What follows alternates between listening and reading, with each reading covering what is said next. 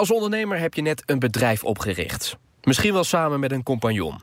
De zaken gaan lekker en je neemt iemand in dienst. En nog iemand. En voor je het weet, geef je leiding aan een steeds groter wordend team van mensen. Met andere woorden, je rol als ondernemer verandert. Je moet namelijk ineens ook personeel aansturen. En dat is niet makkelijk. Dat vraagt om behoorlijk wat leiderschap. Want je wil natuurlijk wel doorgroeien. Ieder ondernemer die personeel aanneemt, kant met groeipijn. Toch is er een manier om daar zo goed mogelijk mee om te gaan... zonder de groeidoelstelling van het bedrijf uit het oog te verliezen. Met deze tips helpen we je een beetje op weg. Zorg er op de eerste plaats voor dat je een leider bent. Dat klinkt mooi en ook heel simpel... maar op dit punt gaat het toch bij heel veel ondernemers nog vaak mis. Je kunt niet meer alles zelf doen nu je personeel aanneemt. Dus besteed zaken uit. En dat begint al met het inventariseren van de verschillende functies binnen je bedrijf. Maak heel simpel een overzicht van de functies die je in gedachten hebt. Neem daar de beste mensen aan. En brief ze met een duidelijke functieomschrijving. En als je dat hebt gedaan, dan begint het pas. Het is belangrijk dat je werknemers het fijn vinden om bij je te werken. Dat is natuurlijk een enorme open deur, maar een tevreden werknemer is gemotiveerder en draagt uiteindelijk ook bij aan de groei van je bedrijf. Over hoe je je werknemers tevreden houdt zijn duizenden boeken geschreven. Maar over één ding zijn alle auteurs van die boeken het eens. Geef je werknemers verantwoordelijkheid. Vraag ze bijvoorbeeld hoe zij zaken zouden aanpakken. Iemand die dat principe goed begrepen heeft is Michiel Muller van online supermarkt Picnic. De supermarkt begon in 2015 met het aan huis bezorgen van boodschappen... en groeit nog steeds in rap tempo. Met tienduizenden klanten op de wachtlijst is het bedrijf nog steeds op zoek naar nieuw personeel.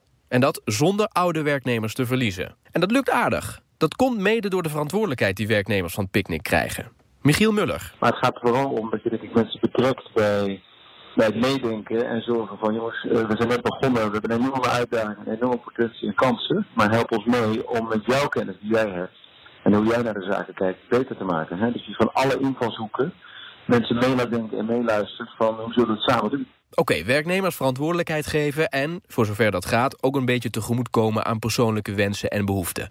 Dat is duidelijk. Maar het gaat verder. Het is namelijk ook belangrijk dat je je personeel... de groeidoelstellingen van je bedrijf leert kennen. Zorg dat medewerkers inzicht hebben in hoe het bedrijf geld verdient. Deel met je werknemers wat de doelstellingen op de lange termijn zijn. Dat zijn allemaal zaken die voor medewerkers belangrijk zijn om te weten. Zo kunnen ze tijdens hun werk inschatten welke kansen ze wel... en welke kansen ze vooral ook niet moeten pakken. En ze weten waar de groei vandaan moet komen. Bijvoorbeeld van nieuwe producten of van nieuwe vestigingen. Naarmate je als bedrijf verder groeit... zal je als baas de groeidoelstelling expliciet met je medewerkers moeten delen. Zet ze op papier en deel ze met de organisatie. Let maar op, dat geeft je als ondernemer at the end veel meer vrijheid. En ook in dit proces is het weer belangrijk om naar je medewerkers te luisteren. Dat zegt ook Michiel Muller van Picnic. Als je mensen gewoon vraagt, wat zou jij doen? Of wat zou jij fijn vinden wat er met jou zou gebeuren als zoiets uh, gebeurt? Dan komen ze eigenlijk vaak met het goede antwoord. dus wij hebben eigenlijk nooit zo van, uh, god, er is nou iets gebeurd en iemand heeft zijn eigen verantwoordelijkheid of zijn initiatief genomen is helemaal fout gegaan.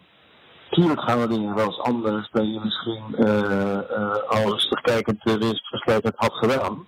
Maar het gaat er juist om dat je onmiddellijk het beste doet wat op dat moment in je opkomt. En dan onmiddellijk die klant helpt. Dat nog iets anders.